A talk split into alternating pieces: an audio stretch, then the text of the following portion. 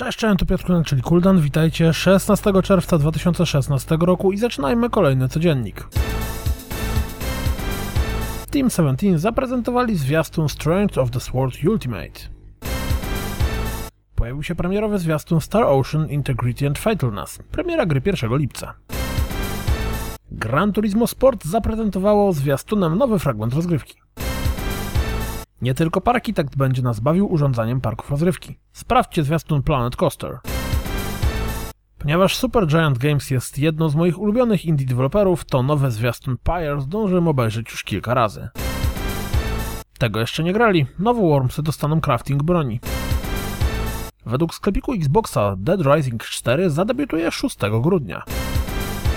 Blizzard pochwalił się, że w Overwatcha gra już ponad 10 milionów graczy.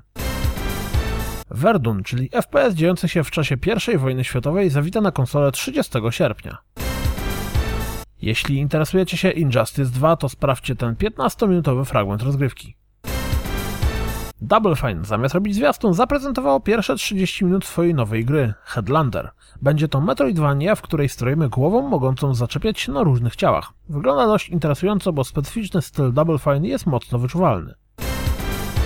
Jak jesteśmy przy Double Fine, Gang Beast dostało nowy tryb, Soccer Mode. Każdy zainteresowany może zobaczyć fragment rozgrywki w Civilization 6 i posłuchać, co twórcy mają do powiedzenia na jej temat.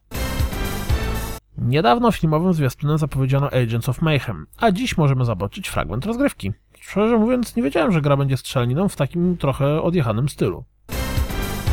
Psychonauts dołącza do zestawu gier, które będą mieli jakiś tryb wykorzystujący PlayStation VR. Pojawił się nowy fragment Cuphead. Kurczę, mam wrażenie, że będzie to dość trudny tytuł, ale dalej jego klimat mnie kompletnie rozwala. Pojawił się drugi epizod anime związanego z Final Fantasy XV.